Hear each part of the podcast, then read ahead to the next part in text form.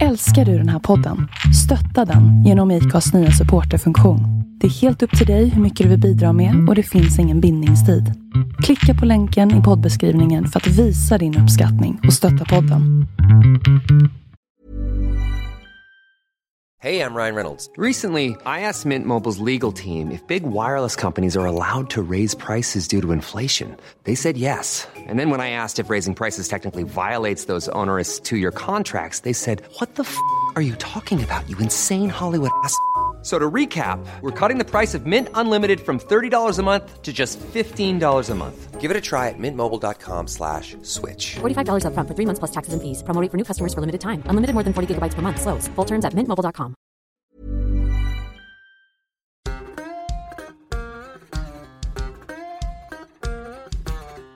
Då gör vi så här och säger välkommen till Vi måste prata, säsong 5, någonstans i början, till Therese Rosengren. Tack så mycket. Du, jag har googlat dig hela morgon, så att jag tycker att jag har en hyfsad bild av vem du är, men eh, den ska inte jag berätta, utan det får ju du göra. Då kan jag väl sammanfattningsvis säga så här att eh, jag tror att anledningen till att du har bjudit in mig är på grund av mitt engagemang i skolfrågor. Eh, jag har eh, skrivit mycket om det, många artiklar och jag har också under 2023 eh, fått en bok utgiven som också berör olika aspekter av skolan. Eh, Mm. Även om det inte nödvändigtvis är huvudtemat. Min bakgrund är att jag är gymnasielärare. Eller rättare sagt, jag är lärare. Jag har de senaste sex åren jobbat på gymnasiet. Sen har jag jobbat innan dess i väldigt många år eh, inom grundskolan, högstadiet. Och eh, då det blir totalt faktiskt ja, dryga 22 år som jag varit verksam som lärare i skolan. Och utan att avslöja för mycket om hur gammal du är, men det är typ halva livet. Ja, det kan man säga. Det var en och... lite smickrande eh, tolkning också. För saken är nämligen den att innan jag gav mig in i skolsvängen så hade jag ett helt annat spår på gång. Eh, som jag sysselsatte mig med under några år och det är eh, att jag utbildade mig inom eh, Mellanösternstudier. Så att jag har en magisterexamen i arabiska och orientalistik, heter det. Eh, så att jag var verksam inom det fältet i några år.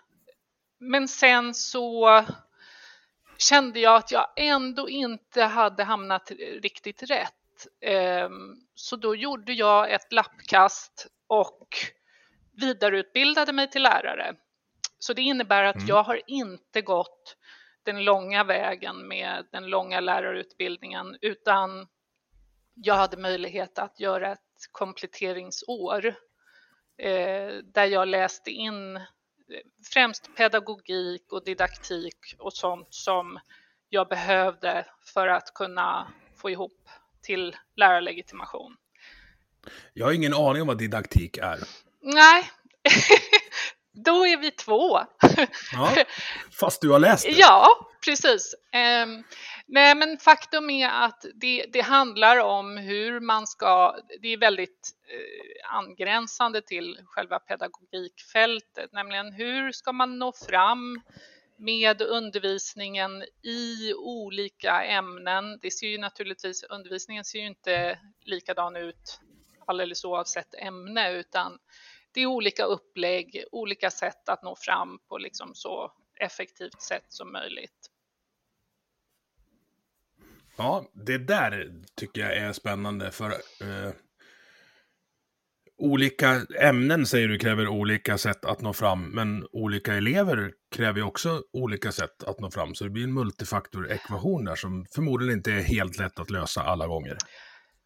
Visst är det så. Och eh, om jag ska vara kritisk mot lärarutbildningen och det är jag och det är jag långt ifrån ensam om så är väl det en av de stora punkterna, nämligen att eh, lärarutbildningen är väldigt teoretisk.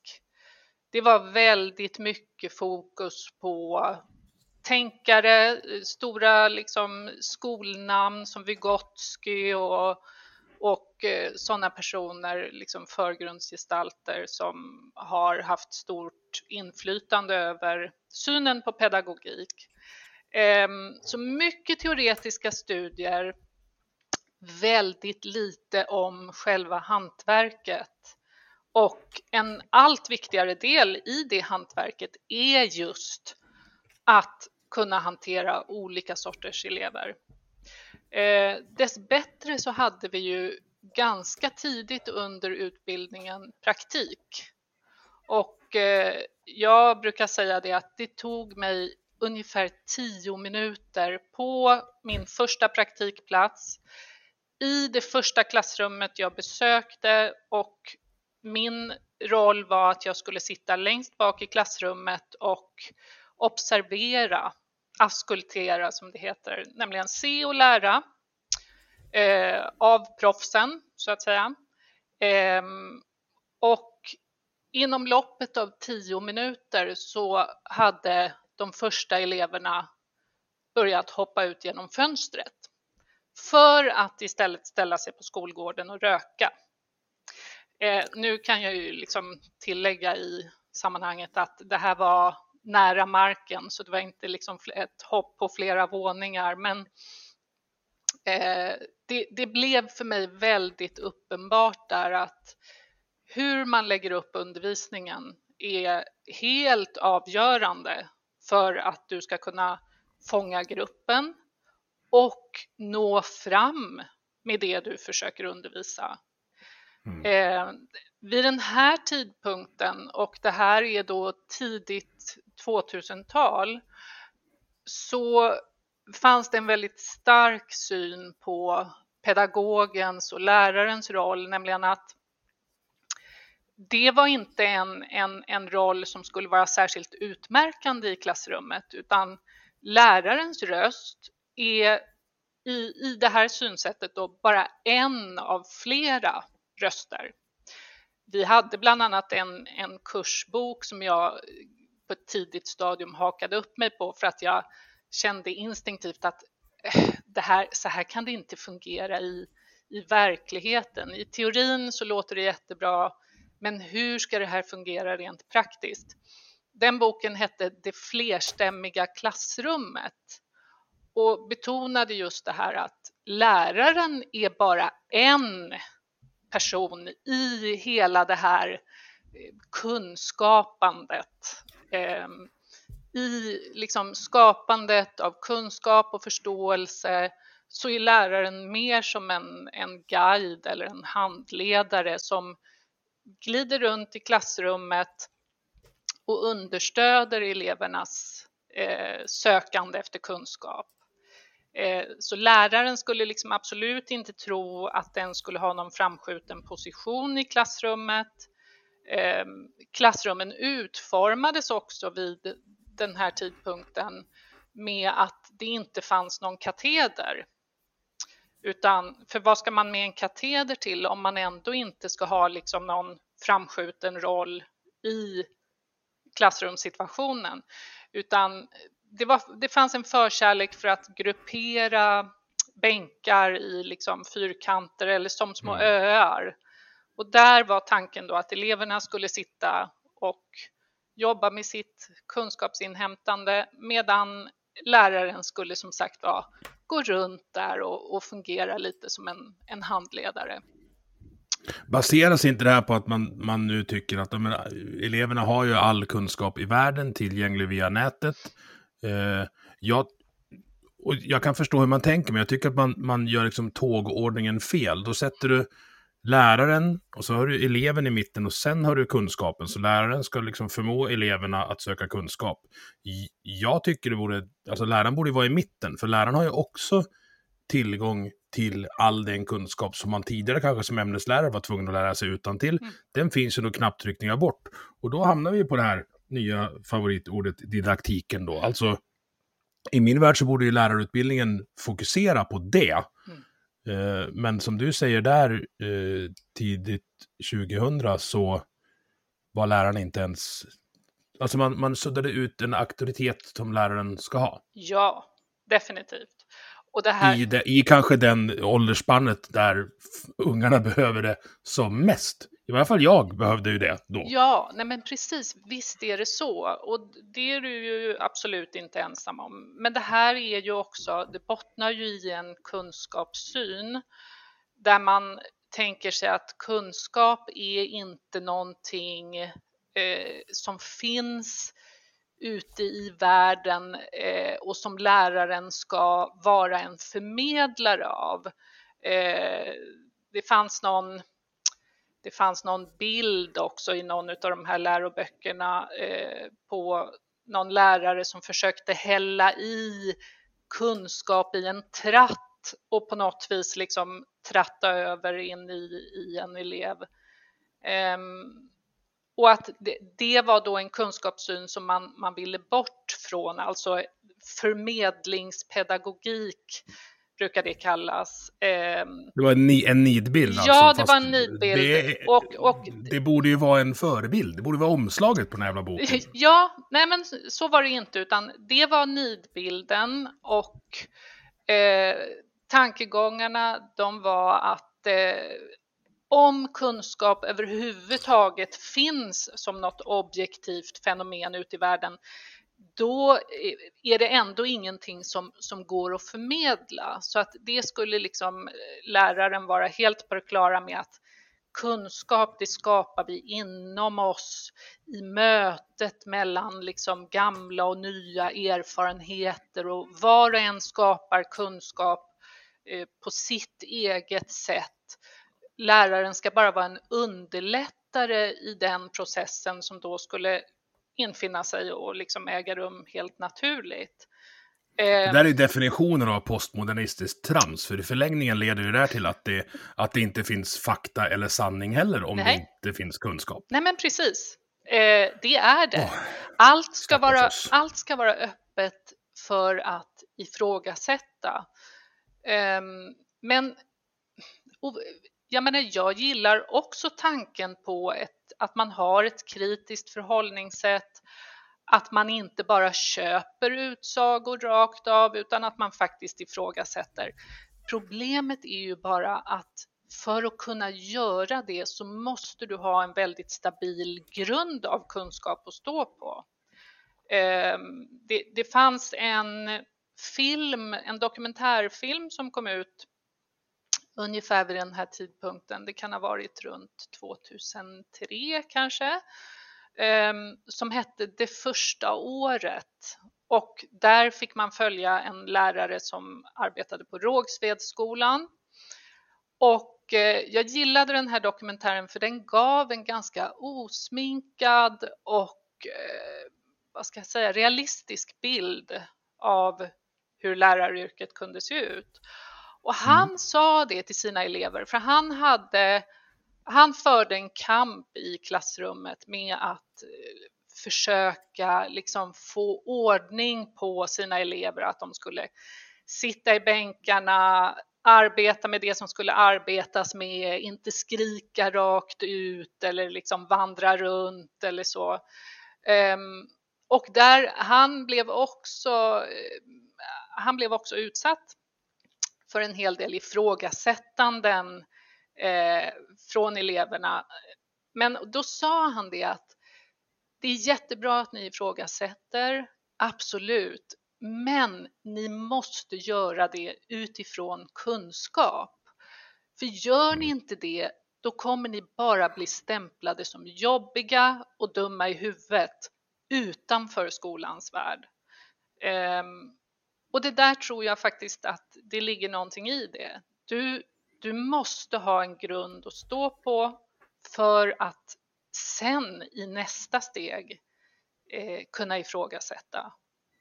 Ja, för att om du har en grund att stå på och eh, därmed ifrågasätter vedertagna uppfattningar, mm det, det är ju vetenskapsteorin. Ja. Alltså att man ska kunna testa, ja. mäta, göra om. Exakt. För att då är det förmodligen sant. Mm. Men om man, om man då kommer och säger så här, nej men eh, jag tycker att solen är grön, så att då bestämmer jag att i min värld är den det. Precis. Ja, Precis. det kan du få tycka, men du kommer inte få jobba här. Nej. Så hej då! Exakt, exakt. Och det är ju det som borde vara eh, det, absolut, det absoluta fokuset för skolan, anser jag, nämligen att, att förmedla grundkunskaper. Ehm, jag anser att skolan har svävat iväg för mycket, vill omfamna alldeles för många saker. Och det är klart att tittar man på var och en av de sakerna så kan man ju absolut argumentera för, men det här är ju jätteviktigt. Det kan vi ju inte skala bort. Och det där är också jätteviktigt. Det kan vi inte heller skala bort. Eh, problemet blir ju bara då att, ja, som ordspråket lyder, gapar man efter mycket förlorar man ofta hela stycket. Mm. Så att eh, grundkunskaper, att, att liksom lära barnen att bli riktigt duktiga på Eh, läsförståelse, på matematik, alltså att de här basic-förmågorna helt enkelt som du behöver för att sen kunna navigera dig vidare i eh, skolsystemet och ute i samhället. Ja, det där med läsförståelse är ju spännande. Eh, jag hade Johan hette nu kommer jag inte ihåg vilka avsnitt det var, men det var, det var förra säsongen. Han, för er som kommer ihåg, det var han som av någon konstig anledning höll på Troja i hockeyn. Men han, han, är lärare och han pratar jättemycket om det där att, att eh, dagens skolsystem gör att vi skickar upp ungar in på högstadiet som inte kan läsa. Mm. Och jag, land, alltså jag har tänkt jättemycket på det här. Eh, jag landar i slutsatsen att man ska inte få börja fyran om man inte kan läsa. För att kan du inte det då så kommer du inte komma ikapp. Nej. Det finns ingen möjlighet. Nej. Utan då är det trean en gång till eller, eller motsvarande. Mm. Och det är inte så att man, det är inte så att det kommer som en överraskning om de inte kan läsa i fyran. Det här har man ju sett på förskolan vilka som skulle behöva hjälp. Ja. Och det är ju billigare och effektivare ju tidigare i liksom ju tidigare man ändrar riktning på de här ungarna, desto större utfall får riktningsförändringen. Ja, ja. Men det, det struntar man ju i också, för att då skjuter man över det på någon annans budget. Mm. Och om man fortsätter skjuta det på någon annans budget, då hamnar det till slut på rättssystemets budget. För att det är ta mig fan en rak linje om man inte bryter den där. Och det är obra. Så är det, så är det.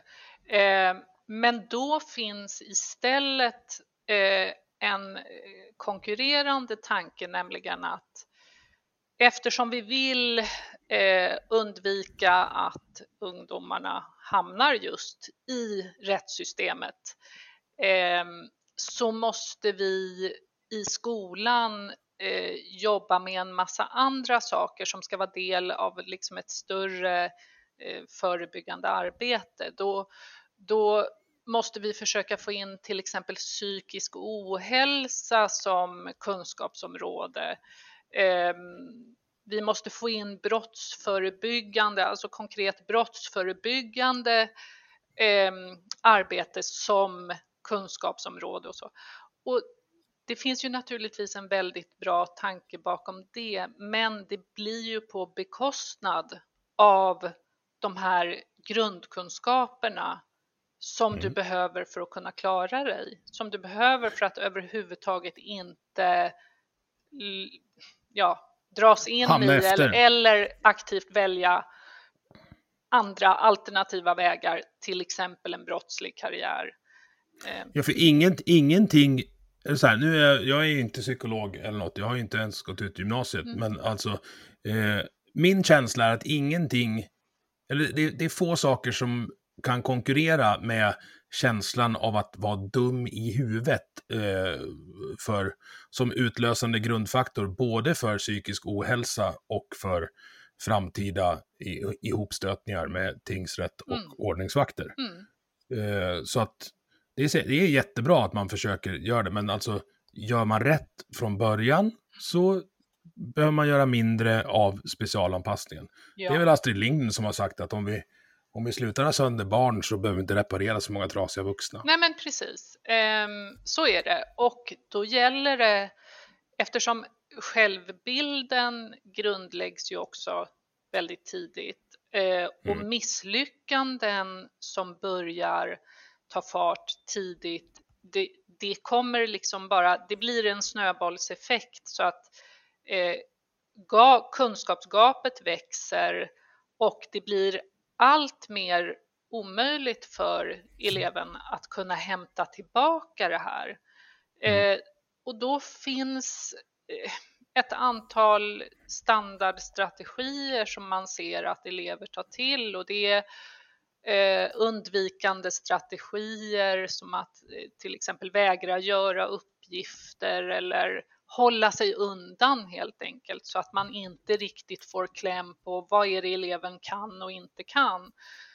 En annan klassisk strategi är ju naturligtvis att börja stöka Därför att då hamnar ju allt fokus på beteendet istället mm. för kunskapsbristerna. Eh, ja, och det finns, det finns en annan aspekt där också som jag tycker inte tas upp så ofta. Det är att även om det är en negativ och destruktiv eh, sak man gör, är man bra på det så kan, man, så kan det vara första gången man märker att man är bra på något. Mm. Och då spelar det liksom ingen roll vad det är. Precis man blir bäst på att vara sämst och det blir också en statushöjare för att man får en, ja, någon slags identitet. Ja, nej men så är det absolut. Eh, jag jobbade under eh, många år, närmare tio år, i eh, särskilda undervisningsgrupper som det heter. Ehm, och det är, det, det är då jag menar, äldre generationer känner det kanske som någon form av obsklass. Ehm, mm. Men det det handlar om är att man skapar antingen lokalt på de olika skolorna eh, mindre undervisningsgrupper för att kunna bättre möta upp behoven hos elever som, som helt enkelt inte riktigt klarar av klassrumssituationen. Um, Ryan Reynolds here from Mint Mobile.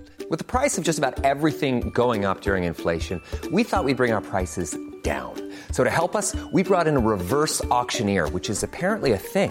Mint Mobile unlimited premium wireless. Have to get 30, 30, bit to get 30, bit to get 20, 20, 20, bit to get 20, 20, bit to get 15, 15, 15, 15 just 15 bucks a month. So, Give it a try at mintmobile.com/switch. slash $45 up front for 3 months plus taxes and fees. Promo for new customers for limited time. Unlimited more than 40 gigabytes per month slows. Full terms at mintmobile.com. One size fits all seems like a good idea for clothes until you try them on. Same goes for healthcare. That's why United Healthcare offers flexible, budget friendly coverage for medical, vision, dental, and more. Learn more at uh1.com. Eller så kan det vara som i det fallet i den kommunen jag jobbade då, eh, att man skapar de här undervisningsgrupperna, man bygger upp dem centralt i kommunen. Skillnaden är ju att, och, och, det kan man ju diskutera, är det eh, bättre eller sämre? Eh, skillnaden är ju att finns den lilla gruppen på elevens hemskola, då är ju eleven kvar i sitt sammanhang. Det kan mm. vara bra och dåligt beroende på hur Absolut. eleven hanterar det så att säga. Eh, har man grupperna centralt, ja då lyfter man helt enkelt bort eleven helt från det gamla skolsammanhanget och så hamnar den i ett helt nytt sammanhang. Och det kan också upplevas som både positivt och negativt. Ehm, mm. Men i den här kommunen som jag pratar om nu och jag undviker att, att nämna vilken det är för att det inte ska bli liksom utpekande för till, exempel, okay. för till exempel elever som jag har haft där och så tidigare. Mm. Annars skulle jag liksom eh, gärna vilja ge cred för den eller till den kommunen därför att de, de satsade verkligen på de här centrala eh, särskilda undervisningsgrupperna och försökte bygga upp någonting bra och stabilt, hållbart över tid. De var noggranna med sina rekryteringar. De hade en, en bra tanke kring hur de skulle sätta ihop grupperna och hur de skulle rekrytera personal med rätt kompetens till de här grupperna. Eh, så att under de nästan tio åren som jag jobbade där hade vi extremt låg personalomsättning. Eh, den liksom, förändring i personalstyrkan som, som var, det var mest om, om någon personal behövde stärka upp i någon annan grupp och då Mm. tillfälligt för längre eller kortare perioder plockades bort. Men, men annars var vi en, en väldigt stabil grupp eh, och blev väldigt samkörda, vilket också är en stor fördel när man ska jobba med, med ehm, unga som utmanar. Därför att det kan vara väldigt krävande. Det kan ta mycket energi, det kan ta på självkänslan. Eh, alltså det, det, det är inte lätt. Och har man då förmånen att, att ha en väldigt stabil och kompetent personalgrupp så är det, ja men det är värt allt. Och de mm. som vinner på det i slutändan, det är eleverna som kan få riktigt bra hjälp. Och, Vad hade ni för, för hitrate på, på den då? Alltså, vilken åldersgrupp var det här? Var det gymnasiet eller var det högstadiet? Alltså de byggde ända från eh, årskurs 1 och hela vägen upp till och med årskurs 9. Jag jobbade själv Hur på, mäter man hitrate? Alltså jag, jag, tänk, jag tänker gymnasiebehörighet, eller är det någon, något annat liksom, mätvärde som man, som man använder? Alltså det finns många, det finns ju många aspekter av det här. Ehm, det, det, I vissa fall handlade, handlade det om elever som var väldigt illa ute socialt, eh, i vilka kretsar de umgicks. Eh, det kunde vara droger, destruktivt beteende och så. Och då är ju en framgångsfaktor att man överhuvudtaget har fått bort eleven från den miljön och att eleven hittar en skoltillhörighet och blir en, en fungerande elev. Sen kanske inte det räcker hela vägen fram till betyg eller full gymnasiebehörighet. Men det är ändå en framgång om du förstår hur jag menar. Mm. Ja, Men ja, ja. absolut så var ju det, det är ju ingenting man slår sig till ro med utan målsättningen är så hög gymnasiebehörighet som, som bara möjligt. Eh, att klara så många ämnen som det bara går utan att sänka kraven eller liksom fuska igenom eleverna genom systemet så att säga. Men att de ska ha... för det hjälper ju ingen. Alltså det, Nej. För då tar det ju stopp i nästa instans mm. istället. Precis, precis. Eh, nej men och jag menar vi vi förde ju statistik och, och, och, så och naturligtvis kommunpolitikerna följde det här noggrant därför att det är klart att det kostar ju väldigt mycket. Eh, det gör det. Det är en hög kostnad och som dessutom aldrig kan nå alla elever som faktiskt har behov därför att det finns ett begränsat antal platser. Och mm. behoven är eh, oändliga men resurserna de är ändliga. Så att eh, dyr satsning, eh, alla kan inte, alla kan inte få, få den till godo så att säga. Eh, politikerna följde det här noggrant naturligtvis och räknade på det och jag menar, vi hade väl olika erfarenheter. Eh, allt ifrån någon ordförande i utbildningsnämnden som sa att det här är en jätteinsats. Eh, samhällsekonomiskt bär ni era kostnader om ni bara räddar en elev bort från liksom, kriminalitet och elände. Um, ja, alltså det, och det tror jag är sant, för att det kostar så fruktansvärt mycket i andra ändan. Mm. Så sådana där satsningar måste få kosta. Mm. Men problemet blir väl då när de uh, belastar kommunbudgeten.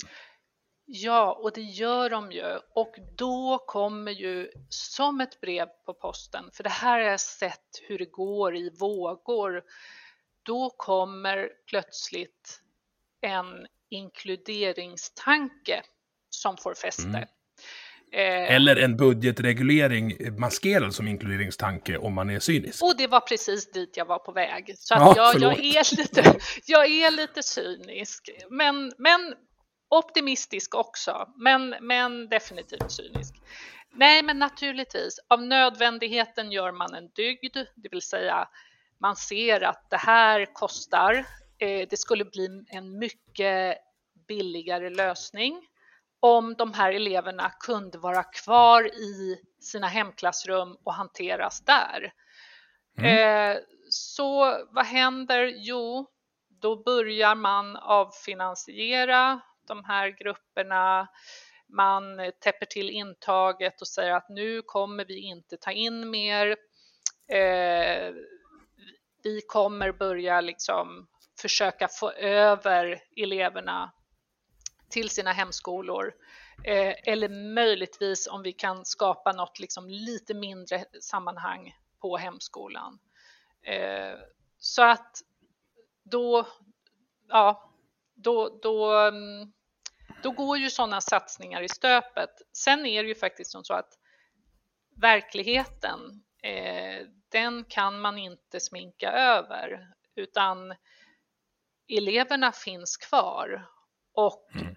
de fungerar inte bättre i skolverksamheten bara för att det pratas vackert om inkludering utan eh, det, det jag kan se på, på just det här kommunexemplet är att de började banta ner de här grupperna och det var faktiskt precis i samband med att jag slutade. Eh, det var inte anledningen till att jag slutade utan jag slutade för att jag hade varit där i tio år och tänkte att nu kan det vara eh, läge att testa på något nytt, eh, nytt sammanhang, nya utmaningar. Eh, så att det var därför eh, jag slutade, men det skedde i samband med att de började dra ner på de här grupperna, eh, flytta tillbaka dem ut till skolorna eh, och så. Men de upptäckte ju ganska snart att det gick inte att lägga ner som de hade tänkt, utan grupperna finns kvar i lite annan form nu för tiden. Men det mm. finns kvar som ett alternativ. Och jag tror att det är bra. Jag tror att det är viktigt för att eh, det är inte schysst vare sig mot de här eleverna som misslyckas gång på gång på gång i klassrummet och det är inte schysst mot klasskamraterna som får sin undervisning liksom förstörd av att det är elever på plats i rummet som, som, inte, som inte sitter liksom stilla och jobbar utan som stökar runt. Jag vill hoppa tillbaka till så att, att behovet är oändligt. Mm. Eh, varför blir det det? Alltså är det, jag har en teori men jag vill höra din, mm. din först. Um, ja, många orsaker. Eh, det finns inte ett enkelt svar på den frågan utan den är väldigt komplex. Jag tror dels, eh, och nu, nu, tar jag inte liksom i Eh, prioriteringsordning så att säga, utan jag tar lite ja, mm. utifrån vad jag kommer att tänka på. Dels så tror jag att den här fria undervisningsformen där eleven ska söka sin egen kunskap, eh, som jag pratade om tidigare, det tror jag passar, och som du också var inne på, det tror jag passar ungdomar ganska illa. Mm. Eh, de behöver en tydlig inramning. De behöver en tydlig struktur och de behöver en lärare som leder i klassrummet så att det inte uppstår en massa frågetecken kring vad är det som händer? Vem är det som har kontrollen här egentligen? Om mm. inte läraren har kontrollen i klassrummet, då, då blir det ungdomarna som tar kontrollen istället. Det, det, någon är alfa. Någon måste, någon måste leda, så är det. Mm. Eh, så det är ett val. Ska det vara läraren eller ska det vara den som är starkast i gruppen? Eh, så det tror jag är, det är liksom, det är en undervisningsform som passar illa för väldigt många elever och det gör mm. att det uppstår behov av en massa sär och speciallösningar. Ehm, sen har ju faktiskt också svenska skolväsendet nu under ganska många år varit precis som liksom andra sektorer i samhället också eh, fått ta emot eh, många människor som kommer med en annan bakgrund. Eh, mm. Och det är ju en e, e, effekt av invandringen. Eh, och det här blir ju någonting som helt i onödan, anser jag, eh, blir känsligt att prata om. Eh, mm. Och jag tycker att det är, det är verkligen det är noll kontroversiellt. Skolverket, Skolverket själva, de tar ut faktorer som de anser har stor påverkan på eh, skolors resultat på gruppnivå. Och det de tittar på då, det är kön. Och där är det liksom väldigt tydligt att pojkar presterar sämre än flickor. De mm. tittar mm. på föräldrars utbildningsbakgrund och det brukar man säga är den starkaste effekten. Eh, nämligen att föräldrar som saknar postgymnasial utbildning, eh, deras barn lyckas betydligt sämre i skolan. Och den tredje faktorn man tittar på är utländsk bakgrund. Och man ser då att det är också en faktor som försvårar studieframgångar, nämligen att man kommer från eh, en annan bakgrund. Eh, man har ett annat språk, bara där har man ju liksom en väldigt tydlig indikation på att det är klart, det vet vi av liksom med hjälp av andra språksforskning att eh, det försvårar att ta till sig kunskaper. Hur kan det här vara kontroversiellt? Jag fattar inte det. Men det, det är nog hela den här eh, migrationsdebatten som det finns vissa ämnen liksom som hela tiden blir kontroversiella nästan oavsett hur man närmar sig dem. Och ibland kan det räcka med att bara nämna någonting som ligger i eh, närområdet så att säga då blir det kallat att ah, det där är en hundvissla. Det mm. egentligen mm. leder in till någonting annat. Um, så att... Det är säkert någon som har lyssnat och alldeles nyss skrikit det i bilen. ja, det är mycket möjligt. Eh, men jag känner mig faktiskt väldigt trygg i att prata om, om de här frågorna eller skriva om dem, för det har jag också gjort. Mm. Eh, jag har liksom kommit in på, på de här frågorna i ja, vissa av mina debattartiklar till exempel. Ehm, och jag, jag, känner mig väldigt trygg i, i den diskussionen just på grund av att som sagt var, det här är Skolverkets eh, faktorer som de diskuterar. Utländsk bakgrund är en utav de tre faktorerna och det ingår i det som kallas för SALSA-värde då som Skolverket räknar, räknar fram för varje skola eh, och då tittar man hela tiden på andelar. Hur hög andel pojkar har den här skolan? Ju högre andel, desto... Alltså det är en, en, en slags riskanalys? Ja, det är en riskanalys. Högre andelar på de här eh, ger en förväntansbild av att vi kommer se lägre resultat på mm. gruppnivå. Mm. Um, det är inte ens konstigt att, att uh, kan du inte svenska så blir det svårt att gå i en svensk skola.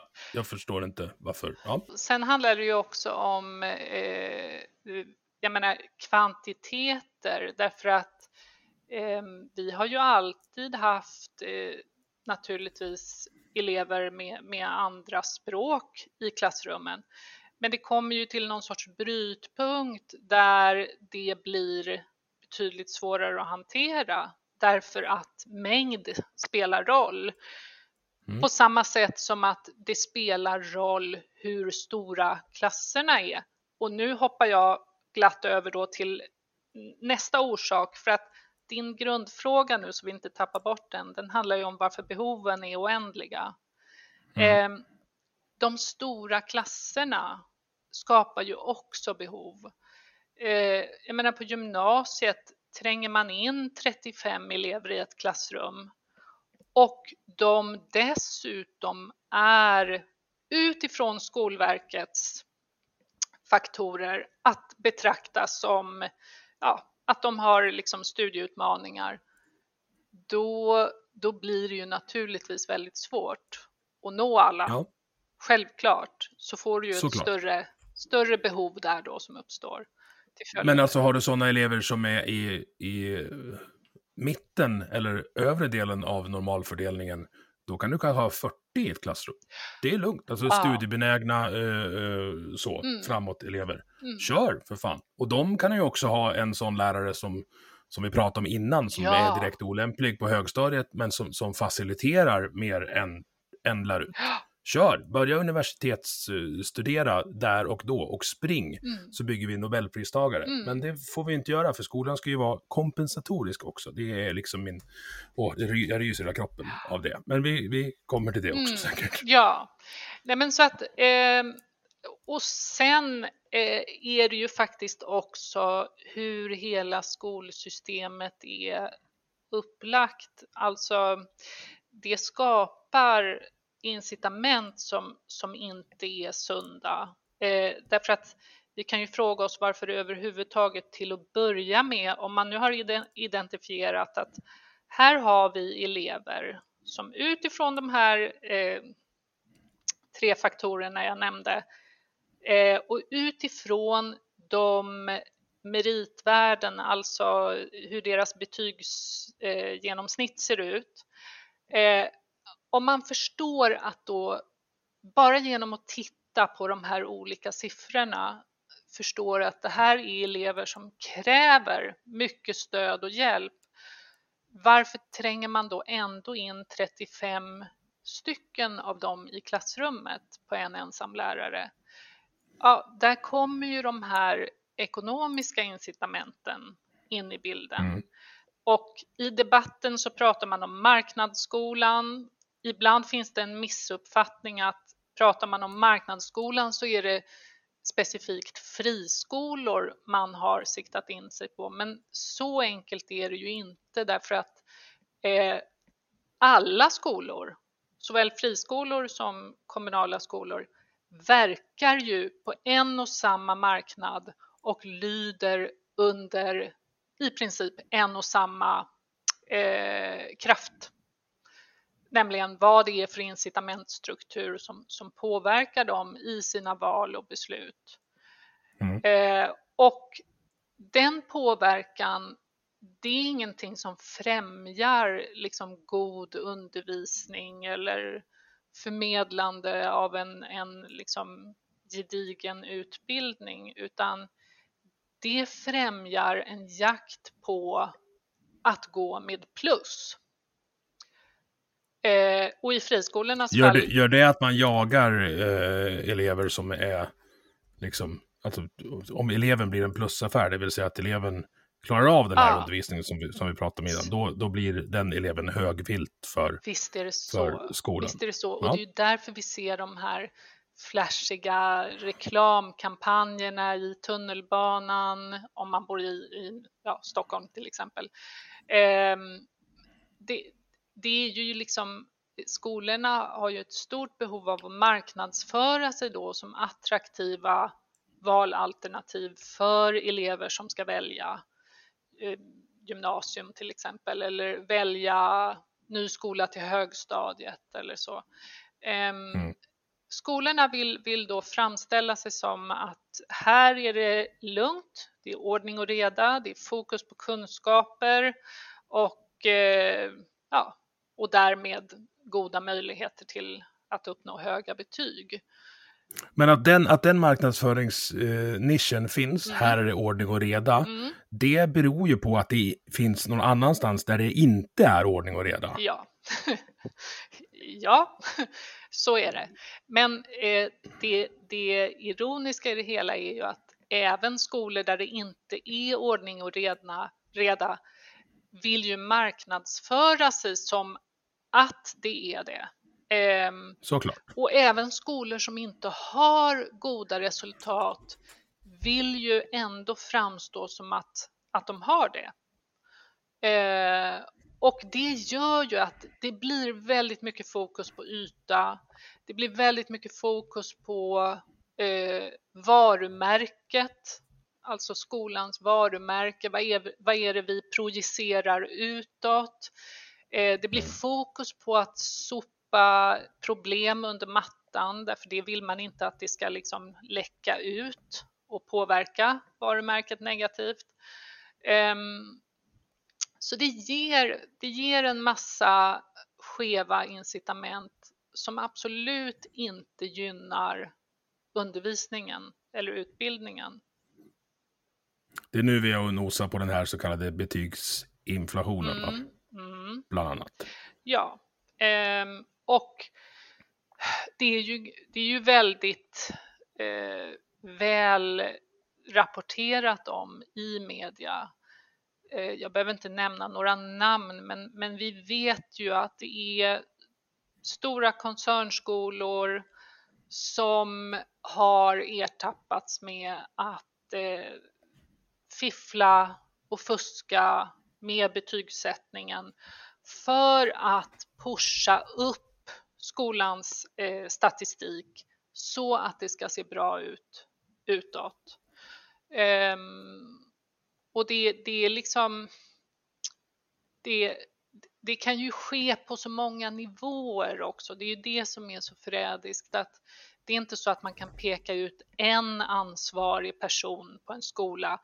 Ibland kan det vara det. Det har ju varit i media till exempel omtalat om någon rektor som hade gått in och eh, helt sonika ändrat betyg i betygskatalogen. Eh, det är ju en... Mot, mot I strid med oh ja. lärarens vilja, oh ja. om man oh inte missminner mig. Oh ja. ja vad, vad bra, vad friskt. Eller också övertalat eh, lärare som kanske har varit anställda på kortare vikariat att gå in och eh, överpröva så att säga eh, andra lärares betyg. Det vill säga mm. andra lärare har redan satt ett betyg, det är ett F och då får en lärare i uppdrag att göra en prövning. Och nu vill jag verkligen säga liksom prövning inom citationstecken därför att det, det är ju då liksom en fasad för att eller det är en kuliss. Lösa, lösa. Ja, precis. Det är en kuliss Eh, eleven kanske i bästa fall får några små uppgifter som den får göra hemma helt liksom, utanför kontroll. Och så tittar då den här läraren på det och säger att nej men det här ska väl kunna bli ett E. Mm. Um, så att det, det, det, är väldigt mycket sånt som har exponerats eh, tack vare media skulle jag säga. Eh, media har varit duktiga på att dra fram det här i ljuset. Det är också tack vare enskilda visselblåsare ute på skolorna som, som det här har kommit liksom till allmänhetens kännedom. Um... Jag blir ju cynisk och jag menar eh, om incitamentet finns för att göra det mm. och möjligheten finns för att göra det mm. För att i slutet framstå bättre själv och risken att bli påkommen är liten, mm. då är det ju logiskt att göra det. Ja, precis. Och det är det jag menar, liksom att det är ett starkt incitament för skolor.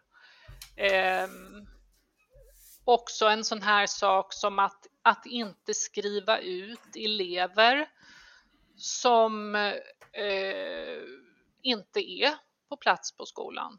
Eh, i någon högre utsträckning. Ja, för då får man inte betalt för det. Nej, precis. Då Nej. ryker ju skolpengen. Um, så att det är väldigt, det är väldigt eh, många liksom oegentligheter som pågår i skolvärlden och jag tror att det är det som har drivit mig till att ta en aktiv del i debatten därför att fram till eh, januari 2023 så hade inte jag skrivit en endaste artikel och under förra året så fick jag 12 eh, artiklar publicerade. Så att eh, driven av den här frustrationen eh, om hur det ser ut i skolväsendet och också den här känslan av att när jag pratar med folk som inte är verksamma i skolans värld så har de ingen aning om att det är så här illa ställt.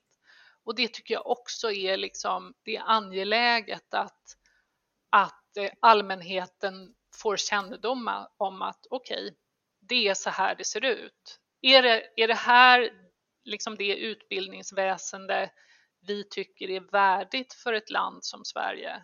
Är det, är det, det här, är det den här vikten vi tillmäter utbildning?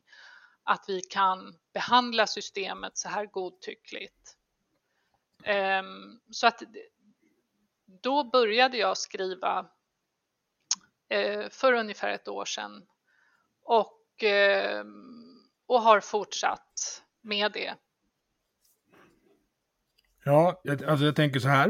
Uh, nu har vi pratat i en timme snart om problemet och hur illa det är, så jag tycker att vi behöver komma in på lite, lite lösningar eh, också. Och vi kan väl börja där vi är nu då, med betygen. Mm. Eh, för det är, om det inte är det så är det i varje fall väldigt nära någon slags myndighetsutövning. Det är en myndighetsutövning. Ja, det är det. och min, myndighetsutövning utan kontroll är ju livsfarligt. Mm. Eh, och det är också den enda formen av myndighetsutövning som jag kan komma på nu där beslutet inte är möjligt att överklaga. Mm. Det, det, alltså du kan inte gå till eh, rättsväsendet eller domstol eller så med vad du upplever vara felaktigt satta betyg och överpröva det det går inte. Utan... Är, är inte det för att vi har liksom ett alternativ i typ högskoleprovet och så efteråt? Det är, det är få som kommer överklaga att de har fått för bra betyg. Tänker då, då tänker du, för... ja, ja, visst, men då tänker du på gymnasiet. Men, men ja. grundskolan har ju också betygssättning och betyg i Sverige är ju liksom, det är high stake eftersom eh, det sållar ju dig sen mm. vidare i utbildningssystemet. Så redan redan när du går ut årskurs 9, redan de betygen får ju en väldigt stor avgörande betydelse faktiskt för, för vad du ska kunna gå vidare till. Jag menar mm. dels vilken skola men också vilket program. Jag har ju en idé där om att man skulle haft något slags högskoleprovsliknande diagnostis, diagnostiskt verktyg eh, för intag också. Jag vet att det finns på vissa linjer. Jag kom in tack vare det 95 mm. på gymnasiet. Mm. Uh, jag hade väl 2,7 eller något på uh, gamla betygssystemet i nian.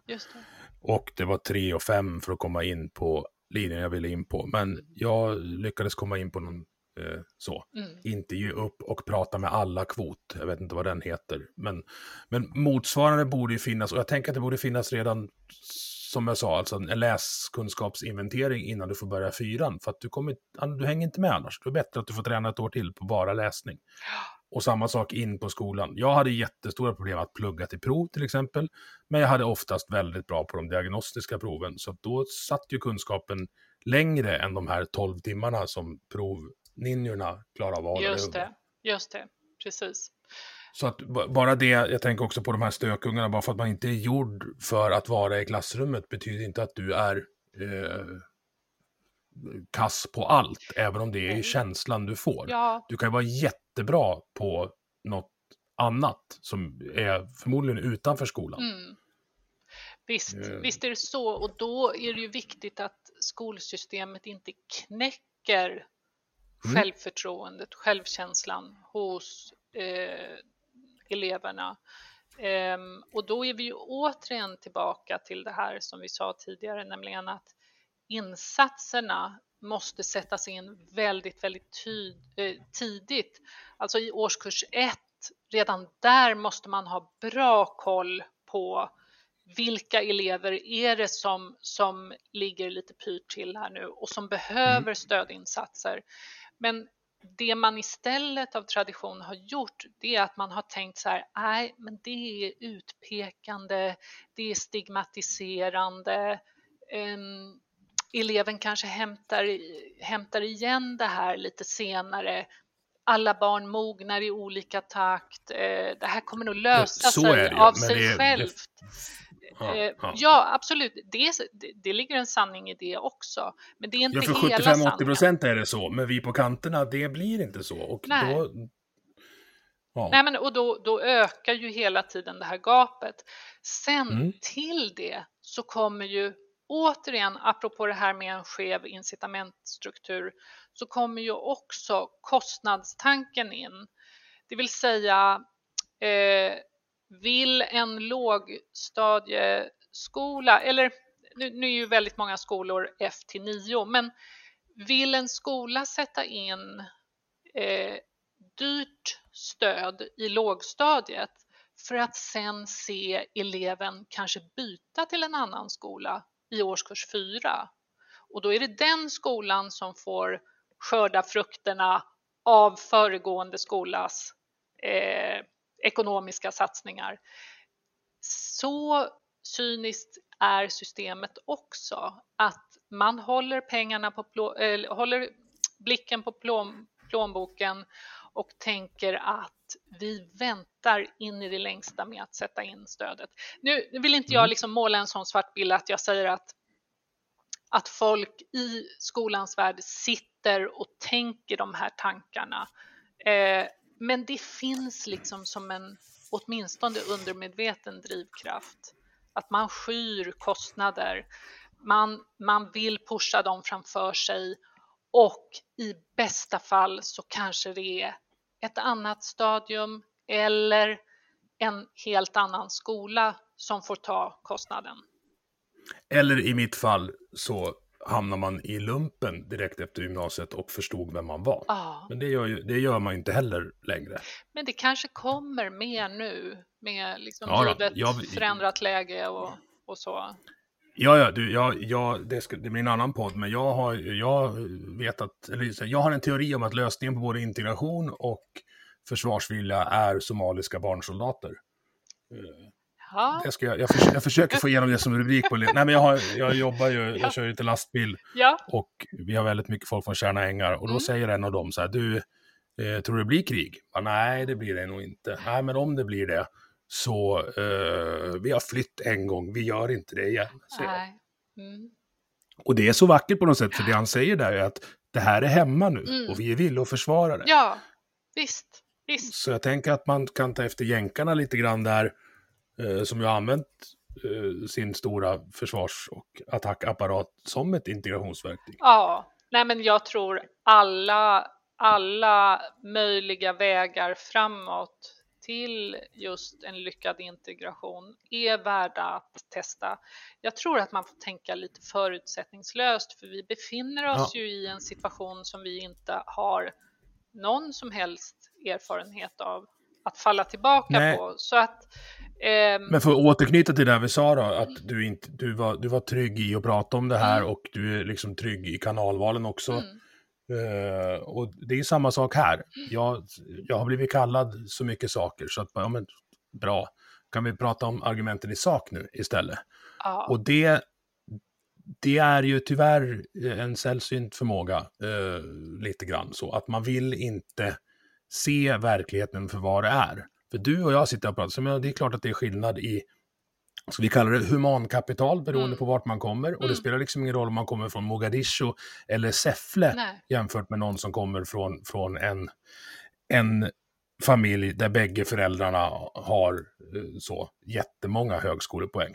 Nej men precis. Eh, eh, precis. Och det är, inte så, det är inte konstigt, men det är ändå något som vi, vi inte vill ta tag i, för det är lite jobbigt att prata om.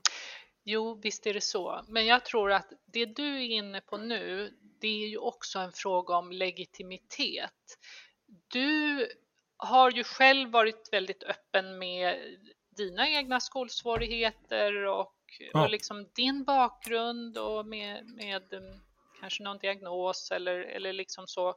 Du, prat, ja. Liksom.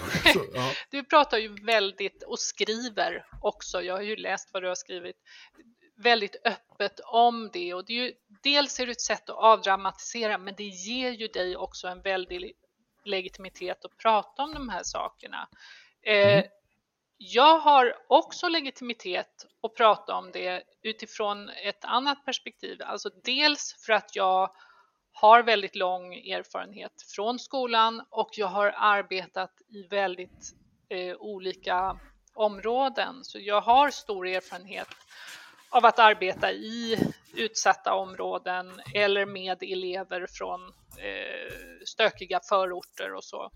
Eh, likväl som eh, svenska ungdomar.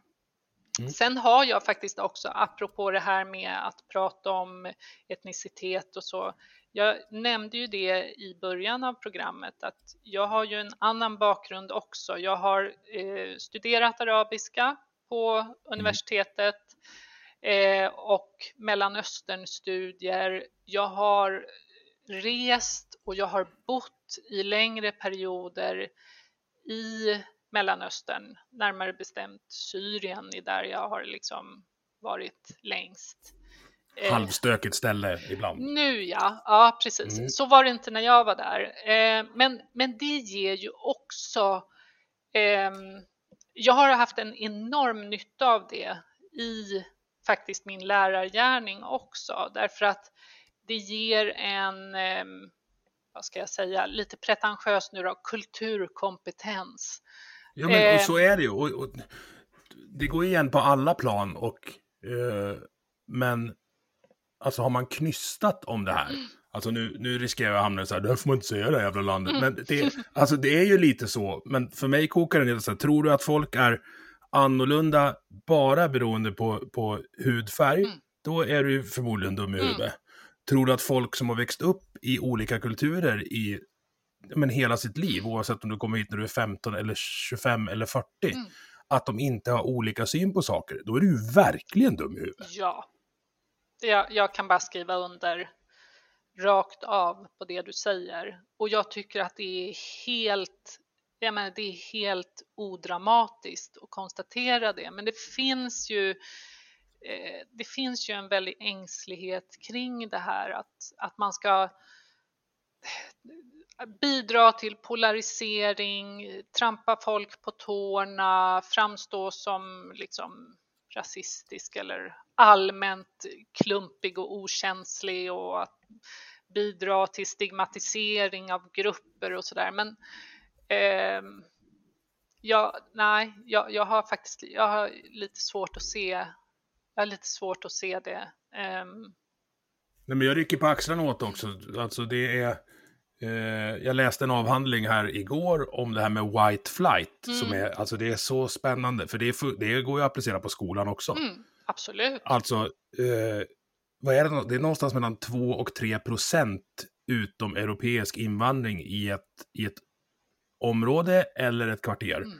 Så börjar svenskarna flytta. Alltså det är, så här, det är tre somalier så drar folk från, från ett kvarter. Mm. Och det är så här, eh, åt, det är en, så här, en och en halv procent säger sig eh, i undersökningar skulle ha problem med att ha en ja, men så här, mellanöster eller afrikansk grannfamilj. Mm. Ja, en och en halv, medan 80 procent har inte det och har aldrig haft det och Nej. kommer aldrig ha det.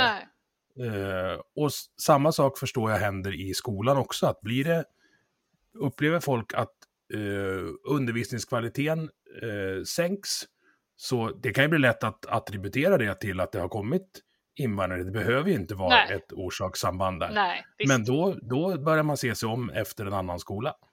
Så är det. Eh, och jag menar, det är ju någonting som, som eh, tyvärr också förstärks ju nu med, med liksom samhällsutvecklingen som den, som den har utvecklats nu på senaste åren. Att med liksom gängkriminalitet och skjutningar och sprängningar och så det är klart att folk drar öronen åt sig och det mm. gör man eh, det gör man om man själv är skötsam och vill leva liksom ett strävsamt, eh, laglydigt och, liv oavsett, liv. oavsett var man har sina rötter.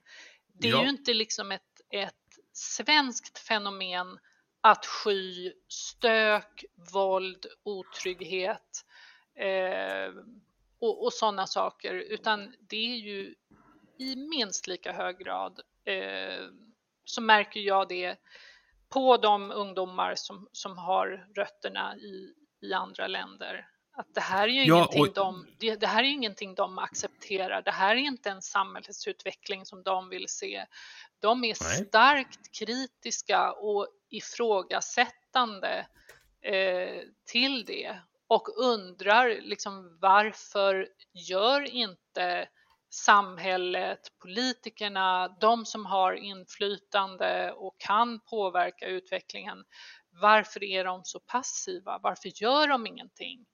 Ehm, mm. Jag, jag, skrev en artikel i Kvartal om det i december här nu 2023 ehm, för att ge lite en annan bild av att eh, vi tror kanske att eh, ärkekonservativa SD-liknande värderingar, att det är någonting som trångsynta svenskar står för. Men mm. eh, de här värderingarna, de dyker upp i betydligt fler grupper i befolkningen än bara etniska svenskar. Eh, ja. Jag möter det en hel del inom jobbet bland eleverna. Ja, och det är väl inte så konstigt heller. Det är ju det där med, med kulturgrejen. Men jag tänker, när du tog upp gängkriminaliteten här, det är ju ofta andra generationens invandrare. Mm. Och jag skulle nog, jag kanske går ut på en tunn is här, mm. men jag tror ju att misslyckandet med att få de här pojkarna att passa in eller känna sig hemma i skolan är en större inkörsport till gängen än hela jävla migrationen de senaste 20 åren. Ja. För det är ju så, det är inte, alltså, har, du, har du gått omkring och uh, känt att äh, men jag kan nog bara bli bäst på att vara värst och så får du höra allt som är fel med dig mm. och så hittar du ett sammanhang där någon klappar dig på axeln och säger du, precis det här du håller på med i skolan, det är vad vi behöver. Mm. Och vet du en sak? Vi har ett eget apotek också. Just det, precis. Vad, vad bra, vad bra det blir. Ja, eh, mm. en, det är klart att det, eh, det utövar ju en enorm lockelse. Eh, och det här är ju faktiskt en av det, det, här är en utav teorierna inom kriminologi till exempel. Jag undervisar faktiskt i kriminologi på gymnasiet också. Eh, det är mm. ett av mina undervisningsämnen, även om liksom jag starkast identifierar mig med svenska som, som undervisningsämne. Men eh, kriminologi har jag också och det är ju en av de teorierna bakom just varför vissa dras, drar sig till brottslighet så att säga, söker sig till det, nämligen att eh, det är en livsstil man vill åt och man ser inte, man gör helt enkelt en rationell kalkyl och kommer fram till att det här ligger utom räckhåll för mig, eh, mm. den lagliga vägen.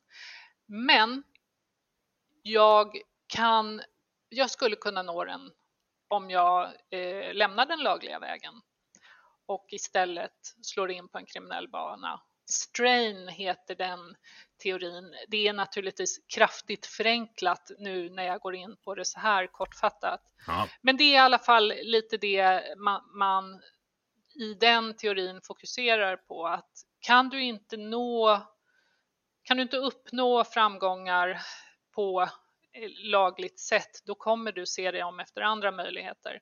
Har du mm. misslyckats eh, kapitalt i skolan och den dörren är stängd för dig eller att du upplever att den dörren är stängd, ja men då är det ju väldigt mänskligt och rationellt att börja mm. fundera mm. över vilka andra möjligheter är rimliga för mig.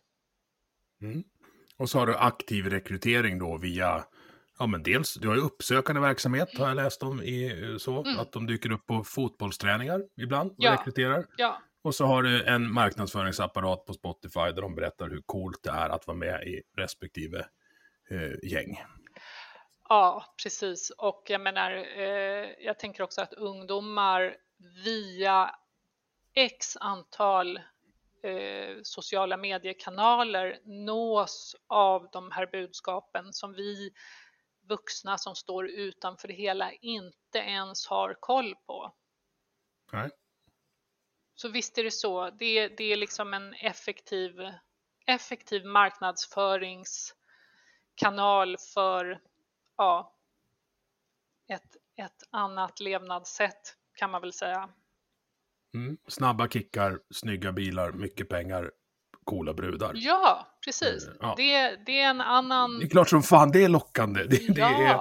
precis. Det är, en annan, det är en annan framgångssaga än ja. den samhället försöker föra fram, nämligen att du studerar, du arbetar hårt, du klättrar uppåt eh, av egen kraft, liksom genom, genom ansträngning.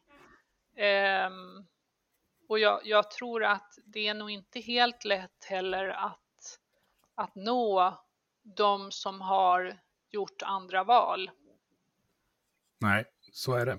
Men det är samma sak där som, som med, med skolan. Vissa kanske inte ska vara blandade med de andra och i det fallet är det ju då eh, inlåsning som, som gäller.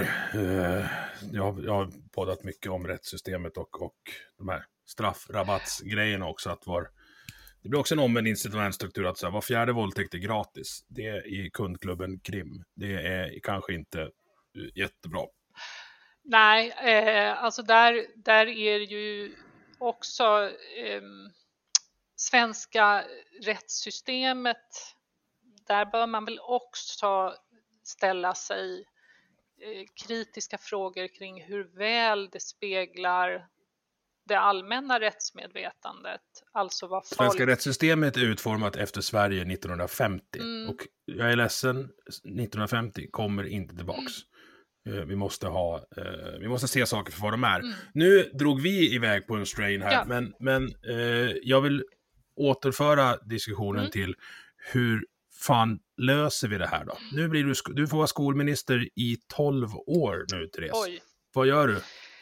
Eh, för det första så skulle jag se över hela skolsystemet, alltså hur det är uppbyggt, hur vi ska förhålla oss till friskolorna. Ska de få etablera sig mer eller mindre fritt eh, i kommuner och konkurrera med den kommunala skolan?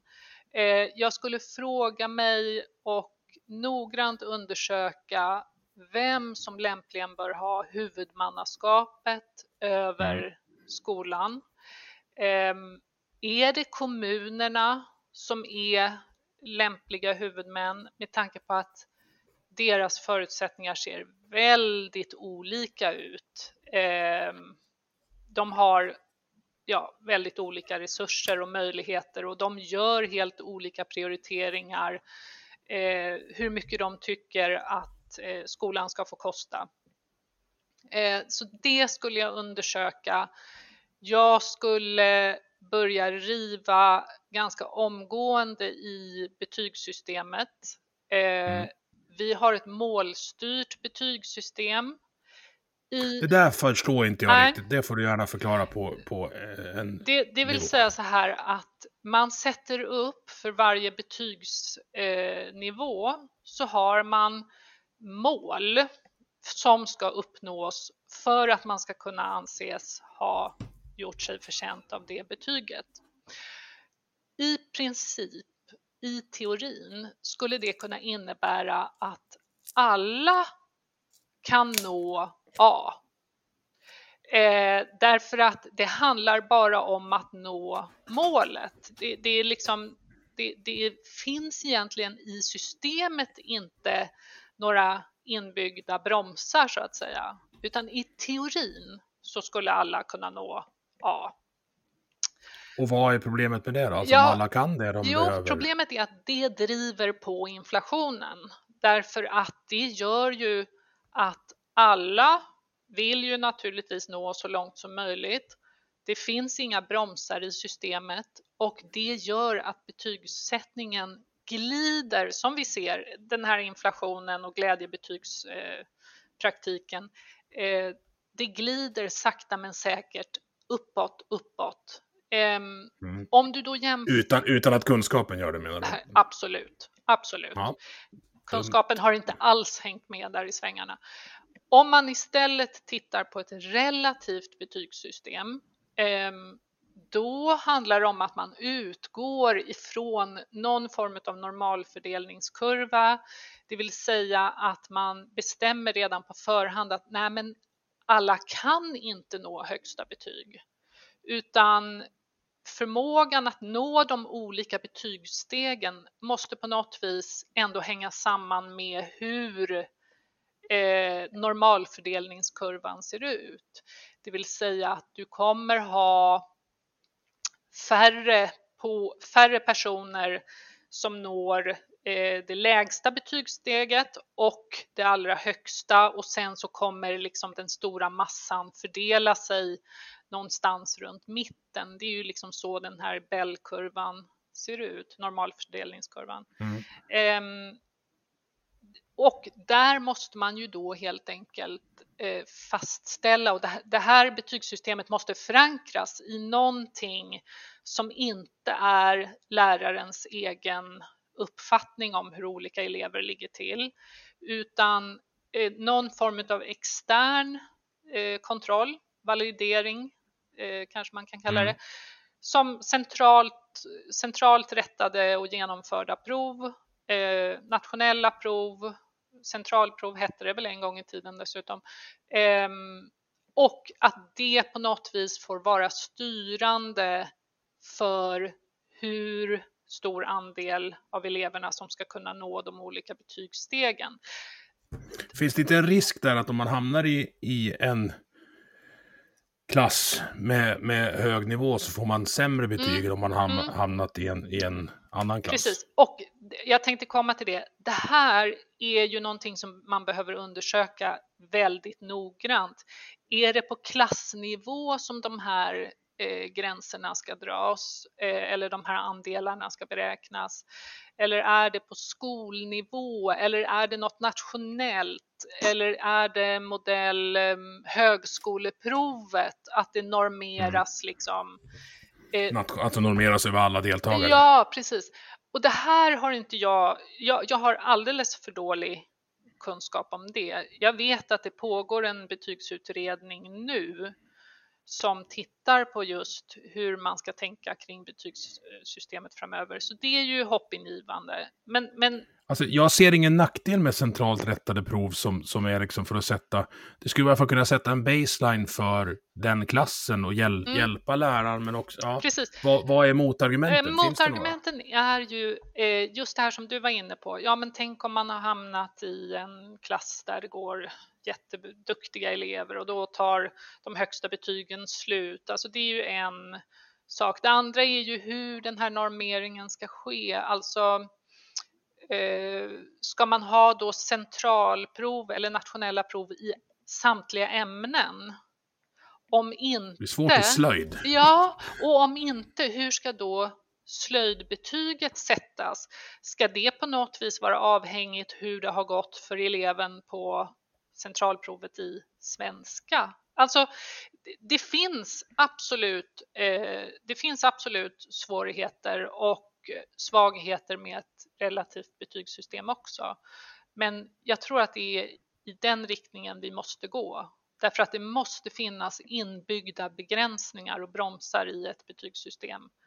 Mm. Ehm, så att det är väl ja, skolsystemet övergripande, huvudmannaskapet, vem ska stå som garant för att, att skolan får de resurser som behövs och att den håller en... Och vem ska vara ansvarig för om de resurserna läggs på ja, trams? Eh, precis. Och där tror jag också att man kanske måste kika på regleringar.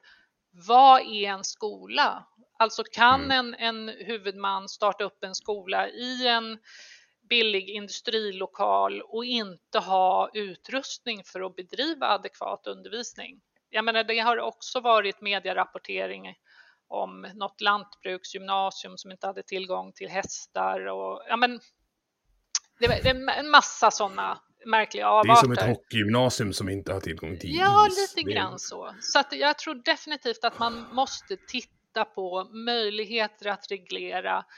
Sen, det innebär också problem, för som du var inne på, har du en viss typ av elever, då kan du låta klasserna svälla och bli större. Har du en annan typ av elever, ja, då behöver du hålla klasserna mindre och tajtare.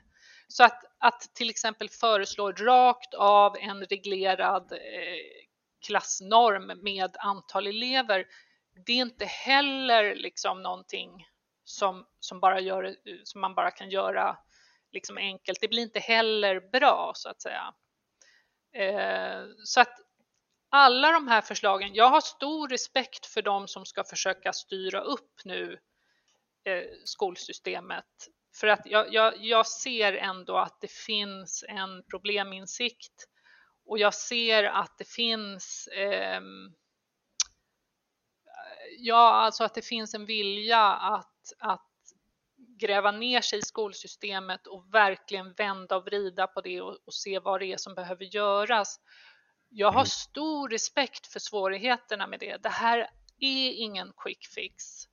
Ehm, att inse... Men sådana finns ju aldrig. Det, det måste man, hur bra de än låter så det enda man kan förutse är att alla lösningar har oförutsedda konsekvenser som Mm. inte går att förutse. Nej, men precis. Och därför är det ju också att Eh, den regering som sitter nu, de tillsätter ju väldigt många utredningar och det är stora utredningar och det är små utredningar och det är liksom eh, de tittar ju bland annat på betygssystemet som jag sa, där har de tillsatt en utredning.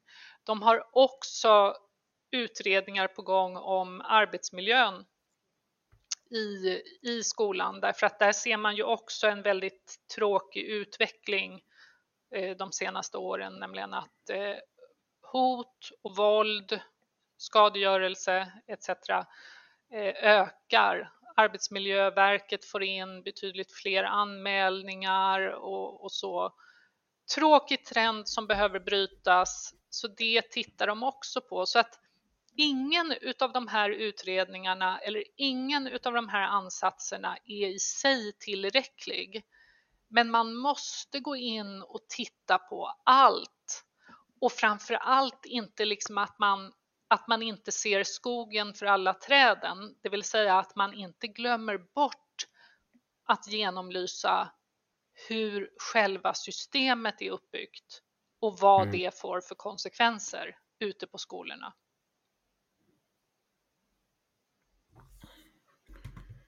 Ja, jag tror jag skulle vilja rösta på det ja, men det går ju inte.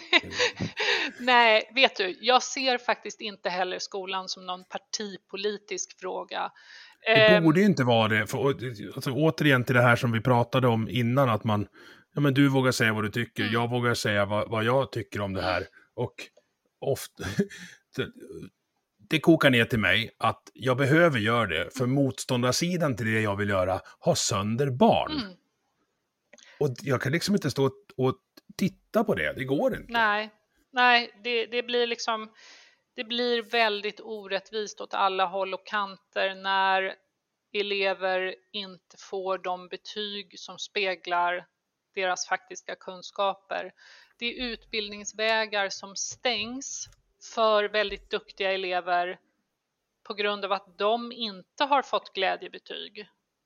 Och det är Mm. elever som hamnar fel i utbildningssystemet på grund av att de har fått för höga betyg som inte speglar deras faktiska kunskaper. Det, Och så är det elever som får lära sig att de inte kan lära sig någonting och vi blir av med, med och det är oftast folk som kanske är mer praktiskt sinnade. Ja. Vi kommer inte få slut på, så här, vi kommer få slut på rörmokare innan vi får slut på doktorer. ja, Och rörmokare har räddat fler liv än doktorer aggregerat över mänskligheten. nej men visst är det, det- så. Visst är det så. Eh, så att nej, jag, jag ser inte det här som jag ser inte det här som en partipolitisk fråga. Jag ser inte att det här handlar om en höger-vänsterskala. Jag har själv, när jag har skrivit mina texter och artiklar, så har jag ganska medvetet försökt skicka både till tidningar på vänstersidan av skalan och tidningar som ligger på högersidan av skalan. Därför att jag vill nå ut brett med just att försöka väcka, eh, väcka folk till medvetande om hur det faktiskt ser ut i skolan nu, anno 2024. Och mm. eh, som vi nämnde, eller du nämnde bara kort här i början, så artiklarna är ju liksom en ansats. Sen har jag ju också skrivit en bok, men där vill jag vara tydlig med att, att påpeka att det är en skönlitterär bok, det vill säga det är fiktion. Eh, mm. Man får ändå, vill jag hävda, en trovärdig bild eh, via den om hur det kan gå till i skolan. Eh, men, men jag har inte liksom ett ärende eller en, en agenda med det utan skönlitteratur är skönlitteratur. Det ska man inte liksom dra för stora växlar på utan det är bara det att skriver man om någonting, ska man skriva på ett autentiskt sätt då tror jag att man gör bäst i att liksom hålla sig inom en ram som man själv har bra koll på och jag har bra koll på skolan så att för mig föll det sig ganska naturligt att sätta den här liksom påhittade storyn i en skolmiljö. Mm. Jag har ju bara läst eh, baksidan på boken, men den, det kändes som att den där behöver jag eh, läsa. Mm. Nu var det, det var länge sedan jag läste något skönlitterärt överhuvudtaget. Jag är liksom fast i podd och politik och samhällsträsket. Jo. Eh, som vi ju bidrar till, ja. både du och jag, just, just, nu. Ja, men visst är det så. Och jag kan bara hålla med dig att det, det tar väldigt mycket av ens, av ens tid. Så att det är svårt att liksom kunna pressa in det här skönlitterära också. Men jag har faktiskt, jag håller just nu på med, jag är nämligen tjänstledig nu från, från mitt arbete en liten kortare period här eh, mm. för att eh, läsa en litteraturkurs på universitetet. Och eh, då tvingas jag att läsa litteratur som jag annars kanske inte, alltså ett, jag kanske inte skulle ha gjort det därför att jag skulle inte ha kommit till skott på grund av mm. tidsbrist. Och två, jag skulle inte ha valt eh, just den här litteraturen. Men nu är det lärare, skickliga lärare förlåt, och föreläsare som, som har valt ut den och sagt att det här är det ni ska läsa och det här är det vi ska jobba med och analysera. Och det är liksom, mm. det tvingar mig in i just den litteratursfären och det är underbart. Ja, det där, är, det där gör mig också lite arg. Mm -hmm. För att det där tilltalar mig så mycket. Men du vet, det var ingen på gymnasiet som ens nämnde något för mig om vad en högskola var. Det fanns inte. Eh, och jag letar inte efter det själv. Men nu har man träffat framförallt nationalekonomer och jag brukar ha väldigt intressanta diskussioner. Mm -hmm. Så det, det visste jag inte ens vad det var. Nej. För det är ju liksom mer psykologi än siffror. Visst är det det. Det kommer ett avsnitt med, med en nationalekonom som, det finns en bok som heter eh, Zombie Economics eller något sånt. Aha, där de an analyserar ur ett nationalekonomiskt perspektiv om mytologiska varelser finns. Hur, hur borde de agera då? Alltså så här, vad, hur ser ekonomin ut vid en zombieapokalyps? Eller hur borde vampyrer investera om de är odödliga? Alltså det där är, det är så jävla roligt. Okay, Men det var det ingen som sa åt mig de gångerna jag var i skolan på gymnasiet.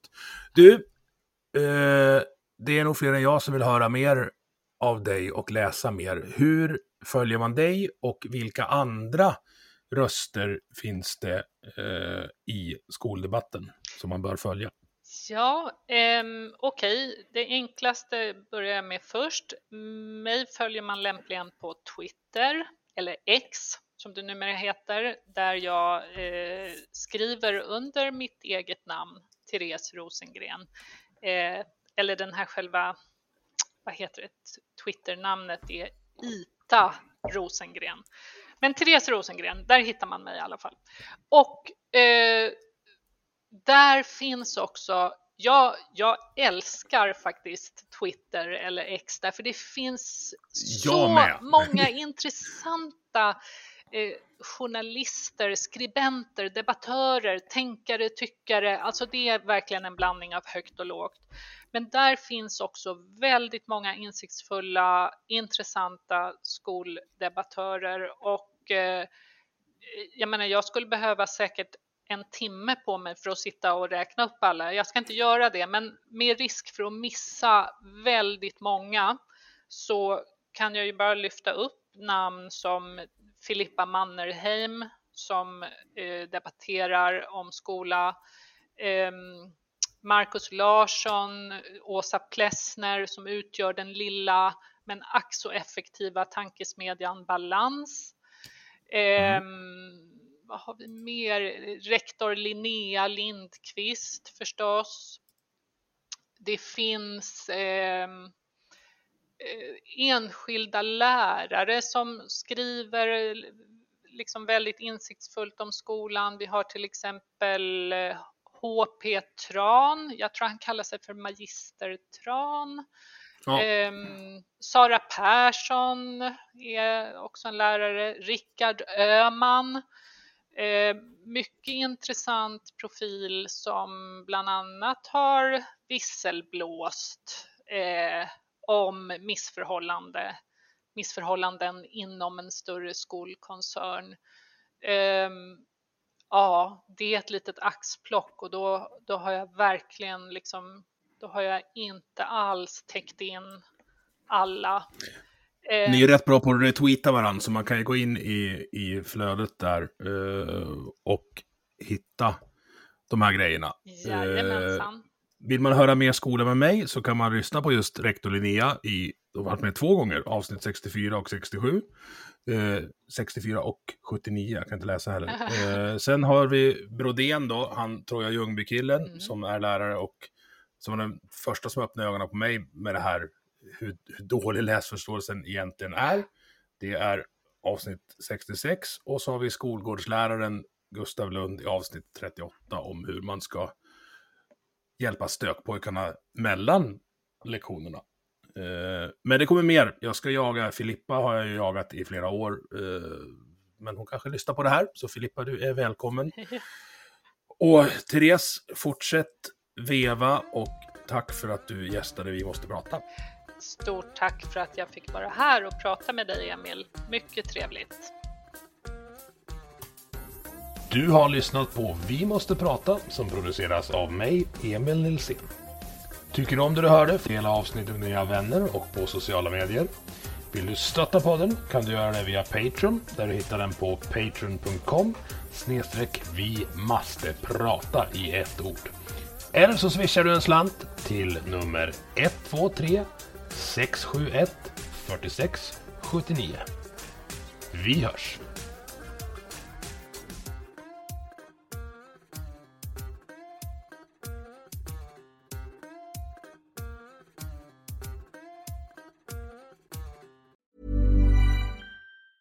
Ever catch yourself eating the same flavorless dinner three days in a row? Dreaming of something better? Well, HelloFresh is your guilt-free dream come true, baby. It's me, Gigi Palmer. Let's wake up those taste buds with hot, juicy pecan crusted chicken or garlic butter shrimp scampi. Mm. Hello Fresh. Stop dreaming of all the delicious possibilities and dig in at HelloFresh.com. Let's get this dinner party started.